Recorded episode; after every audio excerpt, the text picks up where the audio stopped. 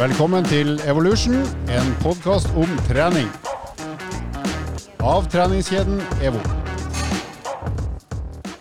Hei, hei, og takk for sist, eh, og velkommen til ny episode av podkasten Evolution. I dag har vi tre pers til stede i studio som normalt, men det, er en unormal besetning. En unormal i mange betydninger av det ordet.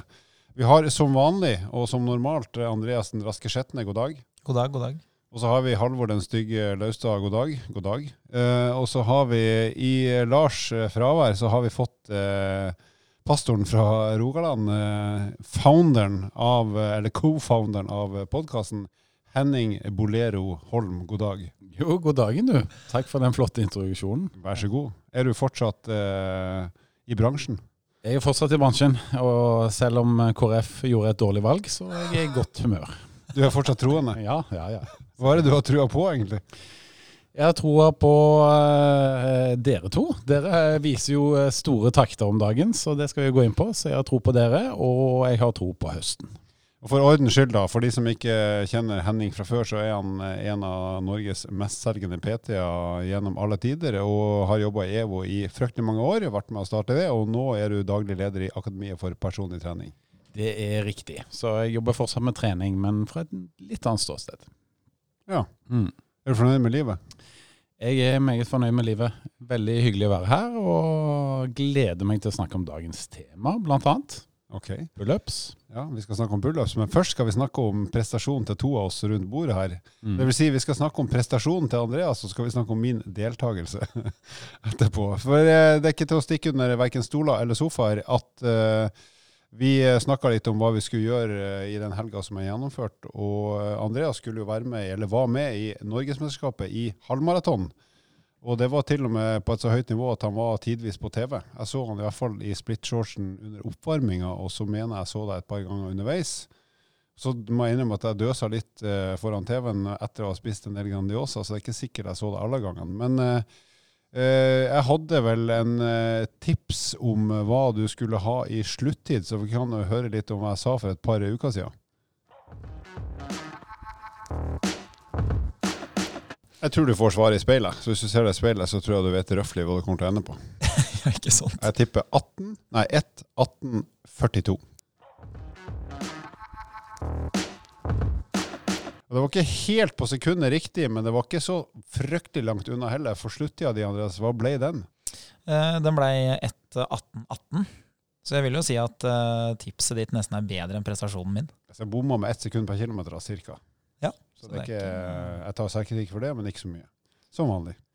Er du fornøyd? Ja, jeg, jeg vil jo si det. At uh, jeg er meget godt fornøyd. Det som er litt sånn spesielt med, med løping, er jo at uh, det varierer jo ikke så mye i sluttid som det kanskje langrenn og sykling gjør. Eh, forholdene preger på en måte ikke prestasjonen like mye, så når jeg stiller til start, så er jo eh, variabelen mellom dårlig og bra er jo veldig liten. Eh, men jeg vil jo påstå at det her er helt i det øvre sjiktet av hva jeg kunne forvente av meg sjøl før start. Hadde det vært raskere løping ut fra start, så hadde nok også sluttida vært dårligere, vil jeg tro, sånn sett i ettertid. Ja, for jeg, Både jeg og Henning fulgte jo med på passeringstidene dine eh, på internettet. Og, og, det så ut som kilometertida di var basically kliss lik hele tida, med noen veldig få variasjoner. Ja, jeg, jeg tror faktisk at uh, For passeringstiden er jo 5, 10, 15, men uh, siden det er en lik løype, så, så passerer du jo uh, halvveis der på Det blir jo noe sånt som uh, 10.550 meter eller noe sånt. Mm. Og da tror jeg at jeg så på klokka og hadde 39,09. Og det ganger to er jo faktisk 1,1818, så jeg tror det er så godt som helt, uh, helt flatt. Uh, og det skyldes jo også i stor grad at uh, når jeg løp ut på andre runden, så var det veldig få folk, da, eller så det er få båter, så det er, ikke, det er ikke så mange å følge etter. Og da blir jeg jo til å løpe etter klokka. og det gjorde nok at jeg traff ganske bra. Hadde det vært en del flere folk rundt meg, så kunne jeg vært frista til å følge etter noen som løper litt for fort. Så det er nok det som òg gjør at det blir veldig sånne jevne løpstider. Og snittfarta di i kilometer i timen var 16,2. 16,2. Så omgjort da til, til pace, da er det liksom eh, tid per kilometer, så er det et sted mellom 3,42 og 3,43. da. Ja, Så la oss sette mølla på 16,2 og se hvor lenge vi holder ut. da. Kanskje vi klarer å holde ut noen få minutter.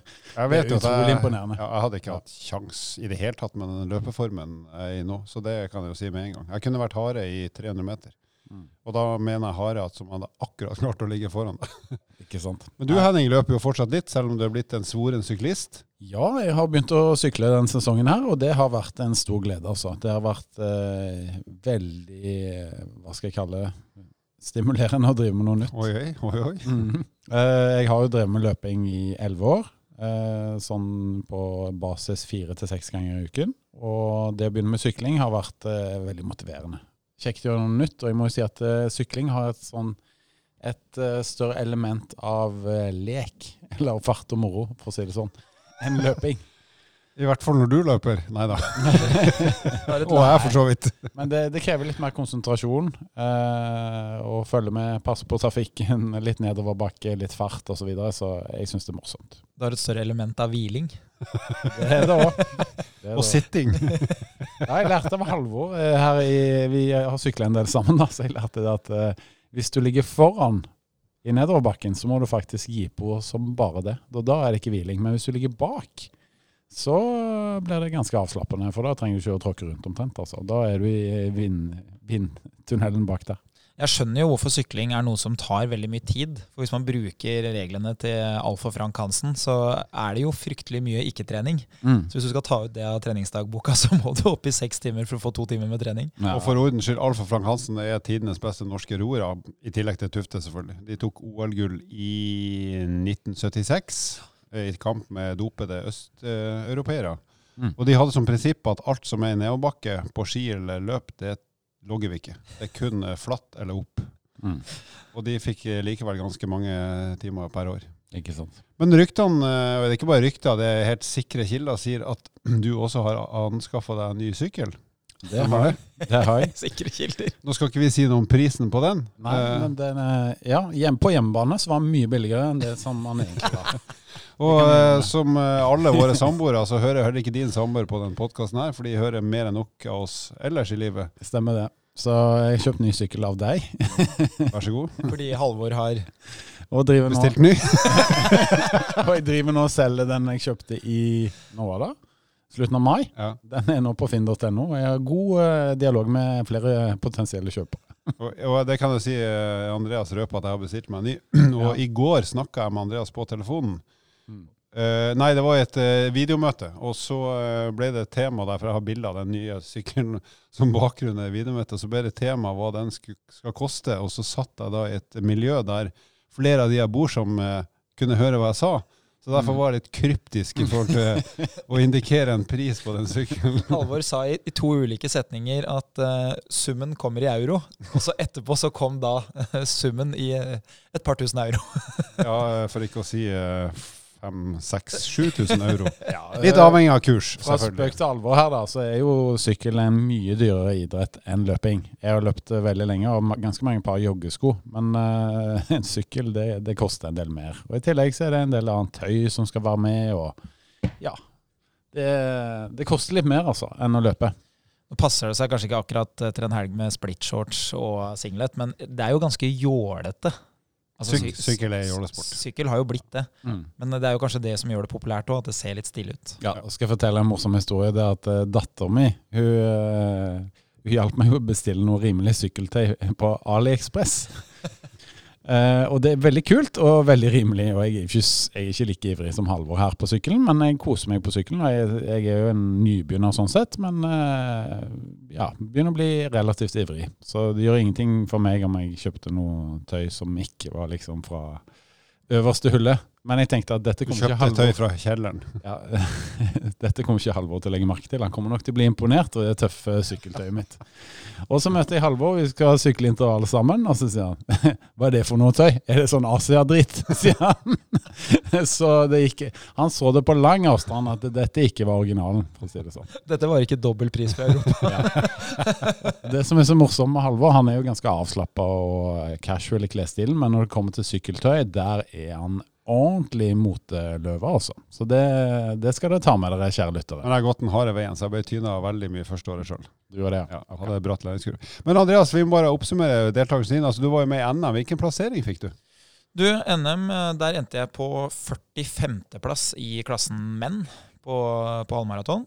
Uh, den lista er jo ikke sånn veldig lang. Det er jo da bare ivrige sjeler som gidder å stille der, og som er medlem i et idrettslag. Men uh, totalt sett i, uh, i, Oslo Maraton så tror jeg det var 3000 løpere som løp da den halvmaratondistansen. og der ble jeg nummer 86, tror jeg. Det er, ikke, det er ikke gærent, det. altså. Det høres kanskje ikke helt rått ut, men alle som har jogga litt, skjønner hvor fort det der egentlig er. Og så må man samtidig si at de som er bedre enn deg, og liksom norgesmestere, var vel han Sondre Nordstrand Moen, som sprang på ca. 1,03.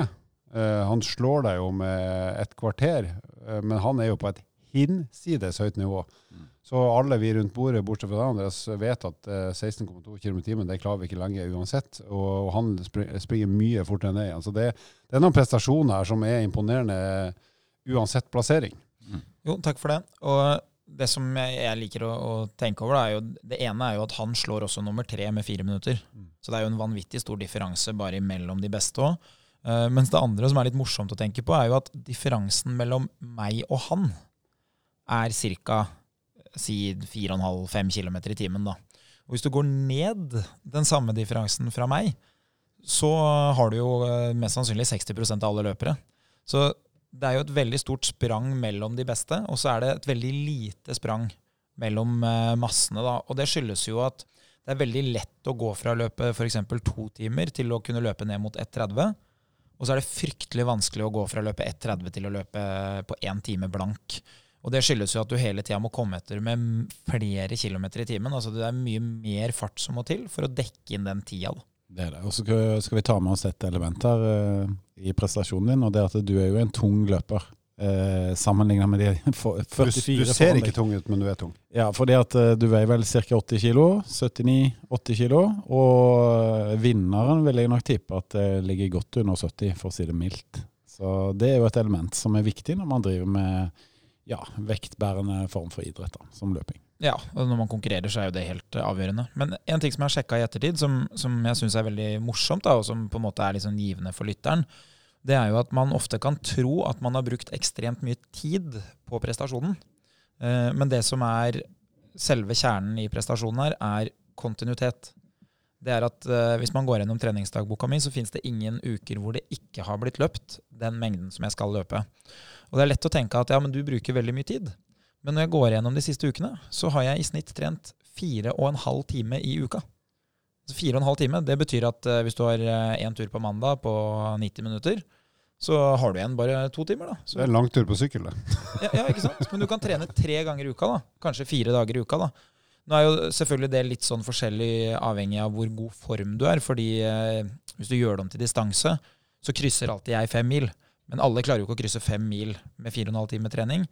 Men det viser jo bare at du trenger egentlig ikke å trene ekstremt mye hver uke, men du må trene hver uke ekstremt lenge. Ja, Og så viser det at løpingen er jo en ekstremt effektiv form for trening. Mm. Mm. Og da Siste oppfølgingsspørsmål, for du har jo allerede nevnt antrekket ditt som vi kunne se på TV, som var grusomt, men smart. Eh, men hvordan var det med karbonskoa? Sto de til forventningene?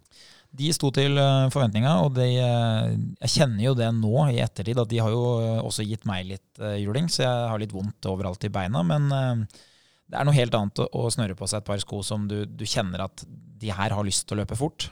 Det eneste som jeg ikke følte var en opptur, det var jo akkurat når man kommer i mål, så får man jo tilbud om litt forskjellige ting. Det er jo alltid sånn kanskje man har en banan eller noe drikke. Og det første jeg fikk tilbud om, var en Red Bull. Og på det tidspunktet når jeg kommer i mål, så har jo jeg da drikket ganske mye Red Bull før start. Jeg har tatt koffein underveis. Så det jeg hadde minst lyst på, det var jo kanskje da en ny Red Bull etter målgang. Mm.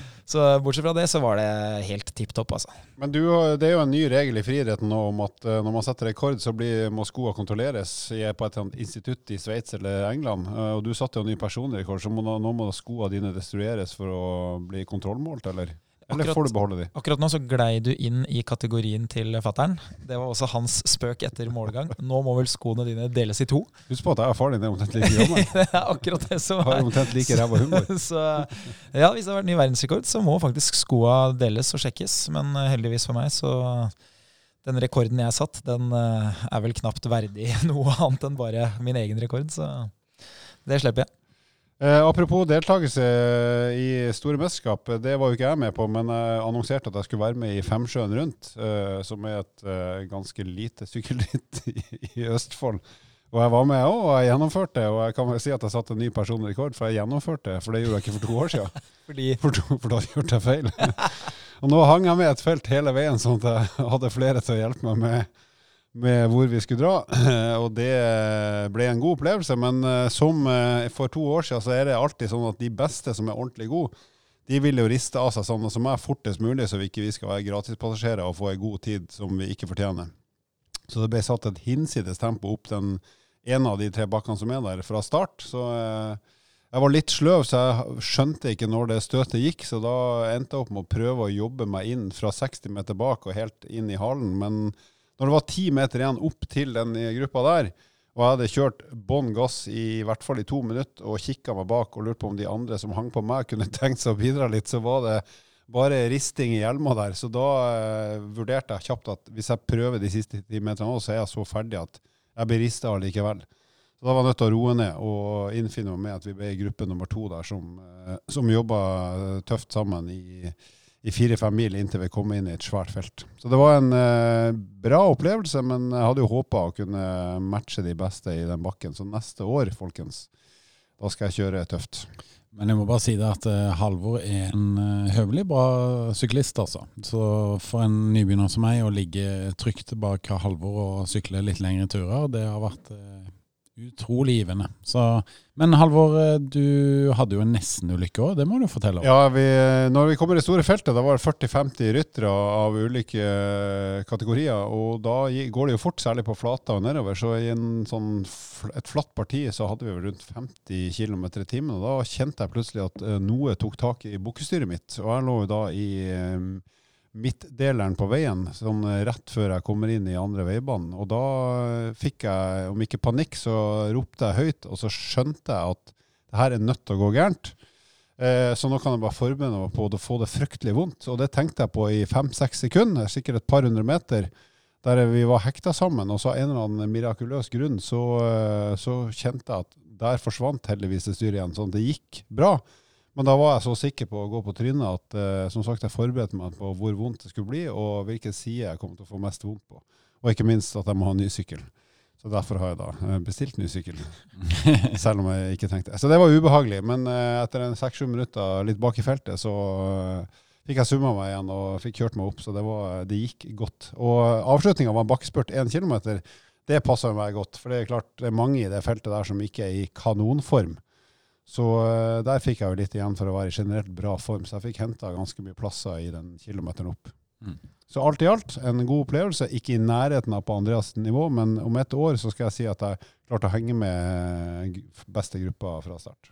For det er jo det som, som er liksom spesifikt for sykling, som, som, mange ikke vet da, når man ikke har vært med på det, at uh, når hastigheten er så stor som det dere sykler i, så er det umulig å sykle aleine.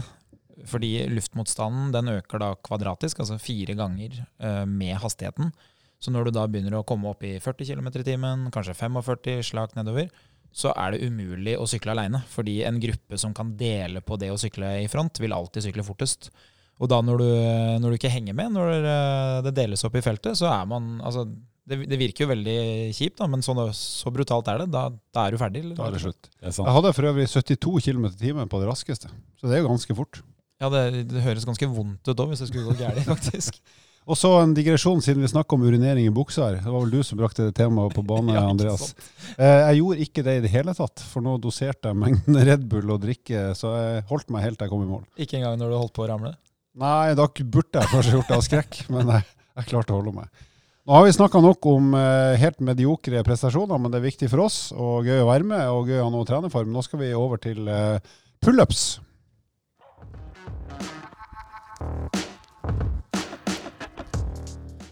Vi skal rett og slett snakke om hvordan kan du bli i stand til å klare din første pullup. Og hvis du allerede klarer én eller noen få, så skal vi snakke litt om hvordan du kan øke antallet pullups du er i stand til å gjøre før du må ha pause. Jeg tenkte aller aller først, eh, kort, hva er pullups? Det er jo rett og slett at du tar tak i ei stang eller et annet håndtak, og så drar du deg opp ved hjelp av armene.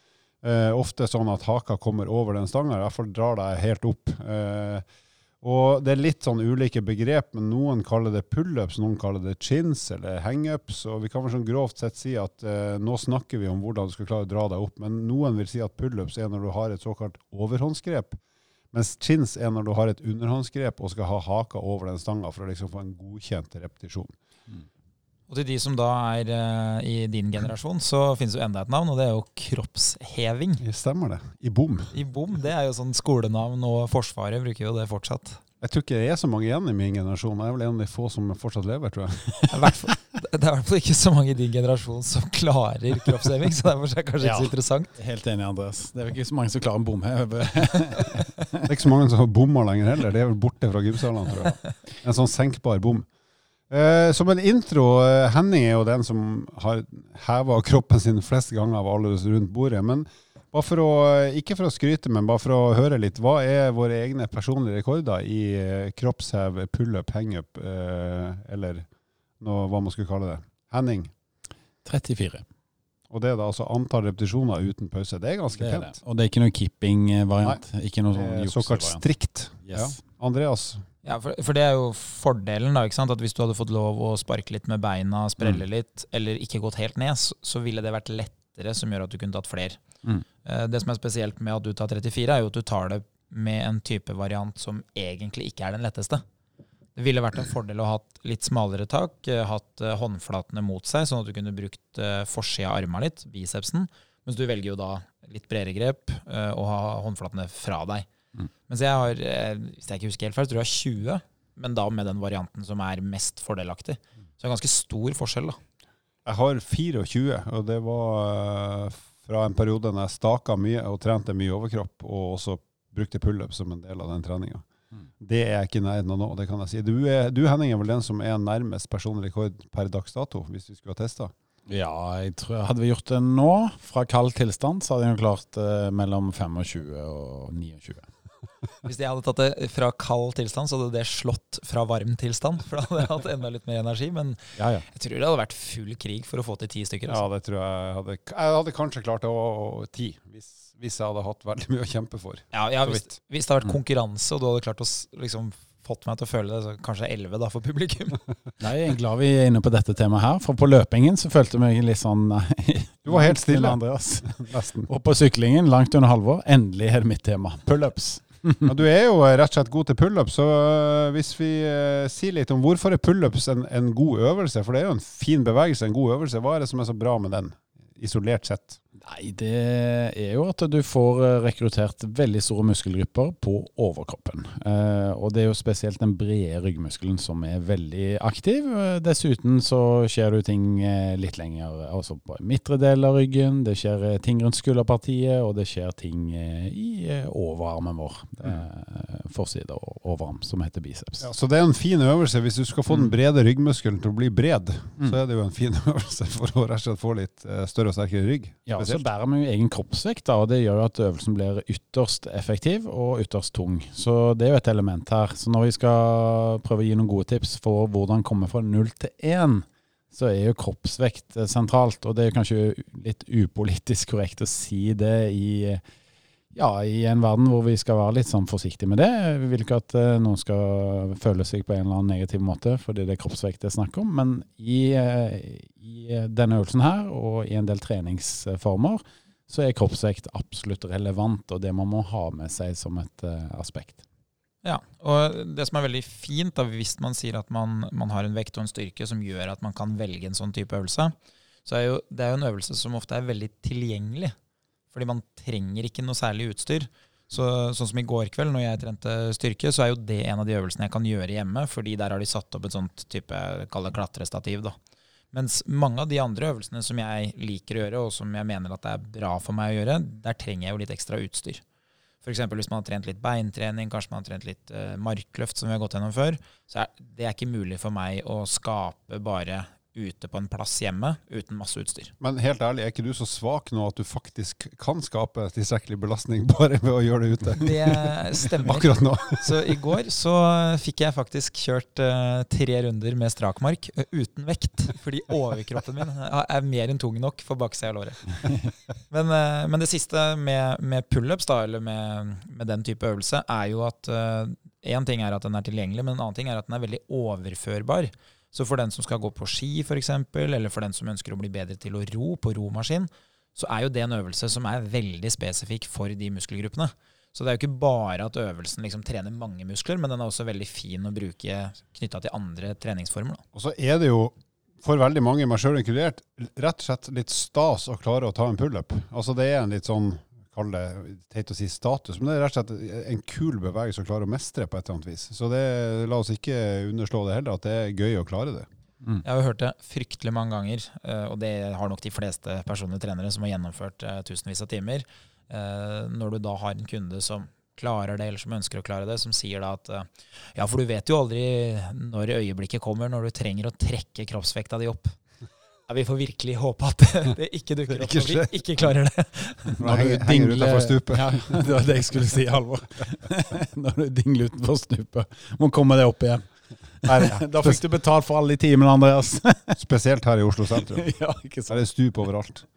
Bra. Men eh, la oss nå gå ta utgangspunkt i da, eh, den som har lyst å klare sin første pullup, som ikke får det til i dag. Hva, hva kan man gjøre for å trene seg opp til å være i stand til å få til det? Hva er liksom stegene her, fra å ikke ha kjangs til å ha muligheten?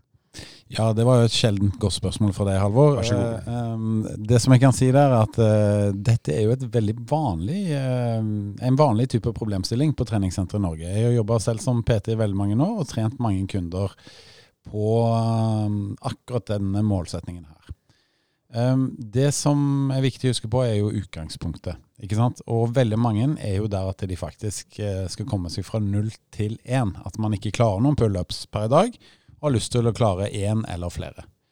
Og der har jeg lyst til å si at det er ofte vanskeligere eh, erfaringsmessig å komme seg fra null til én enn det å komme seg fra én til tre, fire eller fem. Mm. Så når du først klarer én, så løsner det litt for veldig mange.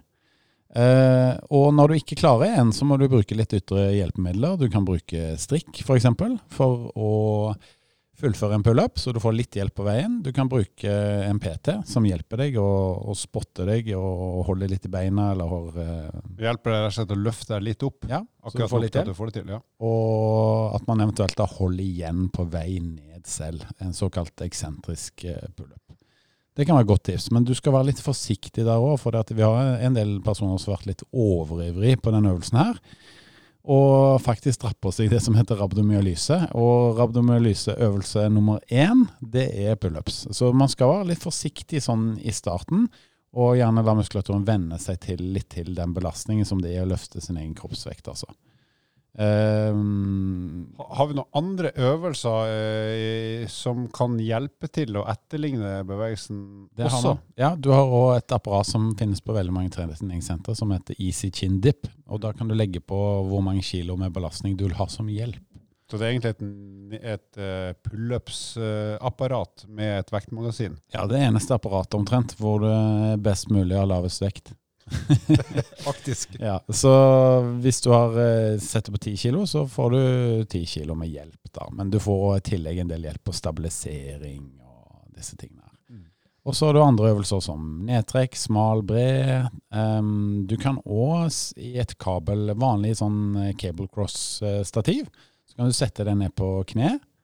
Og så kan du trekke ned eh, håndtakene, da, så du får en veldig bred type nedtrekk. Den òg kan være smart å, å, bruke. Så der har du egentlig flere måter å angripe den muskulaturen du skal bli sterkere i, for å øve på, eller rett og slett begynne å trene styrke for å bli sterkere før du kommer til det nivået at du kan begynne yes. å rett og slett gjøre selve pullups-øvelsen.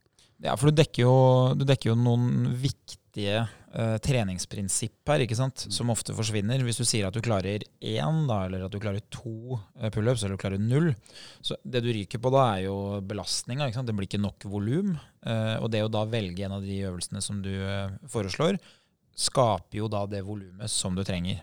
I tillegg til at du kan tilpasse med riktig belastning, sånn at du faktisk klarer kanskje både åtte og ti repetisjoner som man eh, vet at det er mer hensiktsmessig for å bygge muskelmasse som du trenger. Eh, og så var jo du veldig godt inne på det tidligere, Henning, at eh, du skal jo bære din egen kroppsvekt her. altså Du skal ikke bare bære den, du skal faktisk heise opp kroppsvekta. Så veldig ofte så er jo den korteste veien kanskje at man samtidig som man blir sterkere, og blir litt lettere. Men det er klart hvis du har en kroppsvekt hvor det ikke er hensiktsmessig å bli lettere, så er det jo å bli sterkere som er alternativet. Men det er jo, det er jo en forskjell hvis jeg trener ei jente Det tror jeg gjelder meg faktisk akkurat nå. Nå må jeg bare bli sterkere. Ja, faktisk. Det gjelder deg òg, Andreas. Ja, du kan ikke bli lettere Det meg gjelder det definitivt.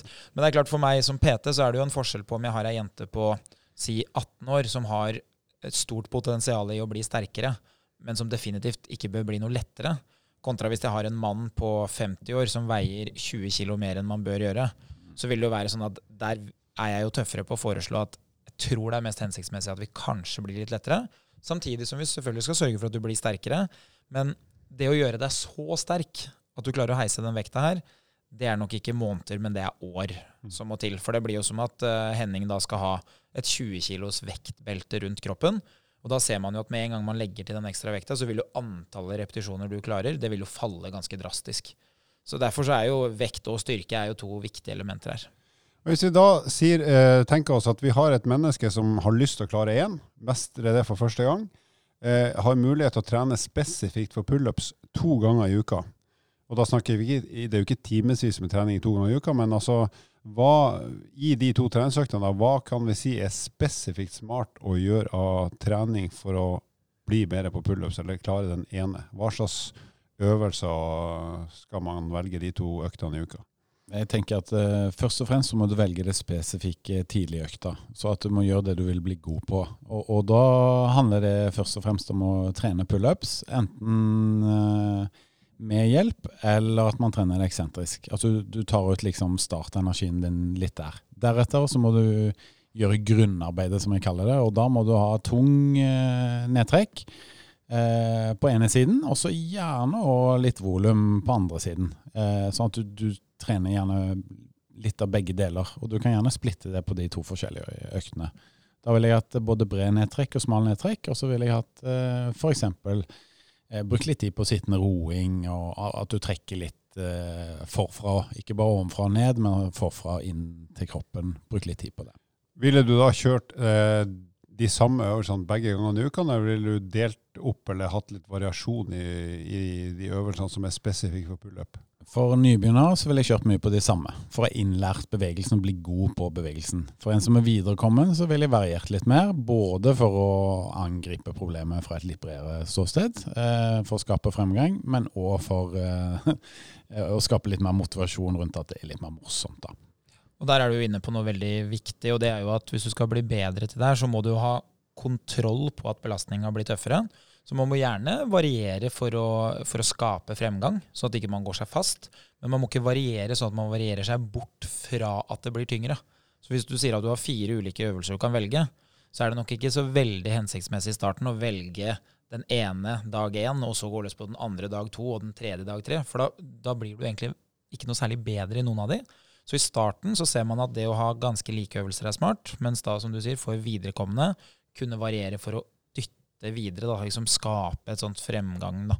Men eh, en øvelse til som jeg ville ha lagt til, som jeg har kjent mye på, da, som av og til hopper inn, kjører, eh, kjører pullups uten å trene mye på det hele tida, det er at det kan være smart å ha med kanskje noen mageøvelser. Fordi akkurat når du begynner å nærme deg liksom at du kommer opp og skal ha haka over stanga, så er det veldig smart at beina og underkroppen kommer litt under for at du kan bevare den fine vinkelen i skulderleddet. Mm. Uh, og det man ofte ser hos de som ikke har kjørt noe særlig tidligere, det er at de har veldig dårlig kontroll på alt som foregår fra navlen og ned, som gjør at de kommer opp på en veldig rar vinkel som skaper vanvittig med behov for kraft, som de da ikke har. Så det å trene litt uh, magemuskler, det vil jo da være gunstig også i, uh, i, nedtrekk.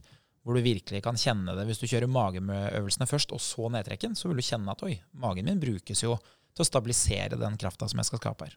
Så hvis vi skal være veldig effekt, effektbasert, da, så kan vi si at hvis du trener to ganger i uka, så velg én mageøvelse, for det kommer du til å ha nytte av når du begynner å nærme deg å få det til. Eh, og Så kjører du smale nedtrekk og brede nedtrekk. Og så kjører du også selve pullups-bevegelsen med hjelp enten fra en strikker, eller en apparat eller en, en, en, trener. Så rett og slett eh, så beinhard på effekten og, og, spesifisiteten de to gangene i uka du skal prøve på der. Ja, og da tenker jeg at hvis man hadde hatt f.eks. 9-12 sett på de musklene, så kunne man sagt at man har tre veldig, veldig spesifikke sett, som er da type at du trener eksentrisk der du heiser deg ned, eller at du bruker strikk. Så har du kanskje tre sett som er eh, nedtrekk. Og så har du tre sett som er roing, og så kanskje du kan bruke den brede kabelnedtrekken som du sa. Da har du jo ni til tolv, da. Mm. Og da får du et nok volum. Men det er nok ikke hensiktsmessig å doble det og kjøre seks av hver. For da vil det bare bli så høyt volum at uh, motstanden du kan ha, eller da vekta du løfter, blir så lav. da. Mm. Og da, hvis vi nå kommer opp på det nivået at vi klarer den ene pullupen, hvordan kan man da, enten du da klarer én eller fem eller ti per i dag, hvordan kan man da øve og trene på å få til mange flere enn det man er i stand til i dag? Nei, Det smarteste av alt er nok å ha en PT. fordi at det, det som jeg gjør da med mine kunder, at de gjør tre på egen hånd, og så gjør de kanskje tre med litt hjelp. Ikke sant? Og, og, og der har du noe du ikke så lett kan gjenskape på egen hånd. Men hvis du absolutt vil trene alene, så ha med deg en kompis eller venninne eller kjæreste som kan hjelpe deg litt. Og da må du instruere dem litt på den spottingen, så de ikke hjelper for mye. For det er jo litt vanlig blant de som kanskje ikke er vant med å hjelpe til på trening. Ja, eller så Hvis du ikke har noen å ha med deg, så kan du sette fram en benk. Så bruker du en strikk, og så står du i strikken, så at strikken hjelper deg i den nederste fasen hvor det er tyngst. Mm. Uh, men det jeg ville vært litt sånn forsiktig med, er hvis du er god nok til å ta én eller to eller tre, så tror jeg kanskje ikke jeg ville ha kjørt så mange jeg klarer i den første serien hver gang. For det vil bety at du har egentlig litt lite kraft i forhold til oppgaven, så du vil bruke all energi. Så da ville jeg kanskje hatt én økt hvor jeg faktisk bruker strikk fra start, sånn at jeg kanskje får fem eller åtte eller ti repetisjoner tre-fire ganger. Mens jeg kanskje da en gang hver tredje økt bestemmer meg for at nå skal jeg kjøre så mange jeg klarer. Mm. Mens idet du er i stand til å ta fire-fem vanlige typer pullups, og så må fortsette med strikk, da er det hensiktsmessig å gjøre det på den måten. Problemet er ofte i den fasen her at volumet blir for lavt. Så hvis du klarer tre eller fire chins eller pullups, så kjører du fire på første, tre på andre, to på neste, og så er du ferdig. Og den belastningen er såpass lav, selv om man føles veldig tung når du gjør øvelsen, at det er begrenset med hvor mye fremgang du får. Så da må du dosere totalmengden, da. Så jeg ville egentlig kjørt ja, f.eks. tre ganger tre pullups, da. Og så ville jeg gått over på Andreas sin etterpå, hvor jeg kjører åtte-ti reps ganger tre eller fire med strikk. Og så ville jeg opp på nedtrekk og kjørt den i tillegg. Så du, du, må tørre å dosere opp. Du trenger ikke gjøre det for raskt, du må gjøre det gradvis. Ikke bli for overivrig, men du må ha en totalmengde. Og Poenget med det her, da, det, det, som skjer da i muskelen, det er jo at når du først har klart én, så er du jo sterk nok til å klare pullups. Men da jobber vi egentlig bare med at utholdenheten til muskulaturen din blir bedre og bedre. Og bedre, og da kommer det ikke unna at du må ha et visst volum. For da holder det ikke å trene bitte litt en eller to ganger i uka, for da blir ikke den utholdenheten utvikla. Så det blir nesten en slags kondistrening på en muskel som i utgangspunktet er akkurat sterk nok til å gjøre én ting én gang. Og så må du bare få den til å bli mer og mer utholdende, så den kan gjenta uh, den ene kraftprestasjonen så det blir to og tre og fire og ti og 20. Ja, Det du kan gjøre da, du kan si til, til deg selv da, at i dag så skal jeg ha 30 pullups. Det er målet mitt. Jeg må ha 30 stykker. Neste gang skal jeg ha 32. Neste gang skal jeg ha 34, og så øker du det volumet gradvis. Du har jo, Henning, eh, og det her er jo ikke tull, du pleier jo av og til å si til deg sjøl at nå skal jeg ha 100 pullups. Ja, jeg, jeg, gjør det et par ganger i uka. Så sist økt var på lørdag. Da hadde jeg ti ganger ti. Da kjører jeg ti reps, eh, ti serier. Så er det 100 pullups totalt. Eh, to dager før så hadde jeg 15 ganger 3. Da skulle jeg bare ha 45, men det er mye tyngre å ha 15 enn å ha 10. Ja. Ikke sant? Så mikser jeg litt på de tingene her. Så det er et tips som eh, gjelder pauselengde, for det er jo noe man ikke snakker om. Men, men eh, mellom hver serie, da, eh, som jo er ganske tung, enten du gjør det med hjelp eller nedtrekker, hva som helst, så pass på at du får lang nok pause, at du har fylt opp de her eh, energilagring. Så jeg vil si akkurat her, når det er så spesifikt ønske om å liksom klare å bryte barrieren, så unn deg i hvert fall to minutter pause mellom hver gang du gjør øvelsen. Altså i en serie eller mellom øvelser, sånn at du er sikker på at de energilagrene du trenger i noen få sekunder, de må være eh, reetablert før du går på en ny runde. Ja, og så er det jo sånn, ikke sant? Hvis man da rent sånn treningsfaglig skal se på det, så vil det være veldig få repetisjoner med høy kraft. Er jo ofte lang pause. Mm. Det er jo egentlig maksløft du, du driver med her. Det er, jo, det er jo så tungt der. Uh, mens hvis du ønsker uh, muskelvekst, da, hypertrofi, så er det jo gjerne kanskje si at du må over seks repetisjoner, helst opp mot åtte til ti. Men da kan man gjerne være litt sånn strikt på pausene, fordi man vil ikke at den blodgjennomstrømninga i muskelen skal forsvinne. Så derfor så ønsker man kanskje å, å tvinge det ned i sånn type ett til tre minutter. Uh, og det som er litt spesielt, er jo at man er på jakt etter at det skal bli høyt volum, men man er ikke sterk nok til det. Mm. Så som Halvor sier, i starten så gi deg sjøl nok pauser, men vit også at det du egentlig spesifikt trener på, det er å bli veldig god til å ta den ene. Det er jo derfor du hele tiden er nødt til å komme etter med en annen belastning, for du er jo på jakt etter mer muskelmasse, egentlig. Bra, folkens. Da tror vi at mange av dere som hører på, eh, kommer til å øke antall pullups. Og hvis du har antall pullups nå er lik null, så tipper vi at det kommer opp i én eh, fram mot jul. Eller hva, Henning?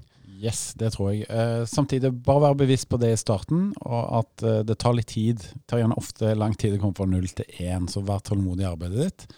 Og jo mer du klarer, jo mer tåler du òg. Så du kan komme opp på ganske store mengder etter hvert. Eh, altså, han eh, godeste Espen Hansen, som jeg eh, jobber med til daglig, som er eier av PT, han eh, har nå et vanvittig opplegg hvor, hvor, han da har lyst til å slå en verdensrekord her etter hvert. Hvor han skal klare så mange pullups som mulig på 24 timer. Så det, det, er ekstreme mengder med trening. Så får vi se om han eh, lykkes med det. Han kommer til å ta flere på det døgnet enn de fleste gjør i et liv, tipper jeg. Det tror jeg. Så spennende prosjekt.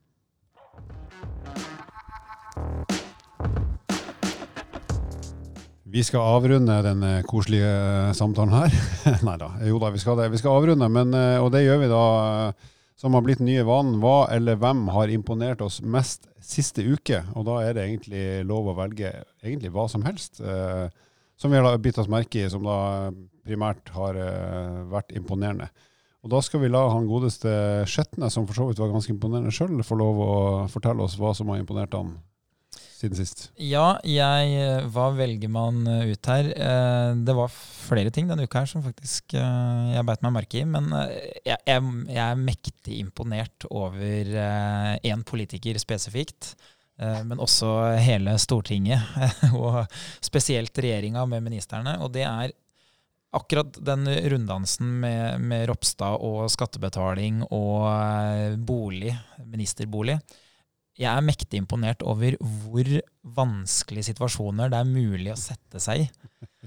Altså, det, jeg bryr meg egentlig veldig lite om, uh, om det her uh, sånn på hverdagslig basis, men jeg må jo si at uh, jeg hadde kanskje ikke turt å ta så store sjanser som privatperson, men to, hvis jeg visste at resten av samfunnet ser til meg nesten hver dag, da tror jeg jeg hadde fått noen til å gjøre en skikkelig gjennomgang. Jeg tror ikke jeg hadde turt å ta den risikoen som det innebærer. Og så kjenner jo ikke jeg den saken her personlig, så jeg vet jo selvfølgelig at eh, ting skjer jo, ikke sant. Og plutselig så står du der med, med vann til knærne, og så skjønner du ikke helt hva som har skjedd.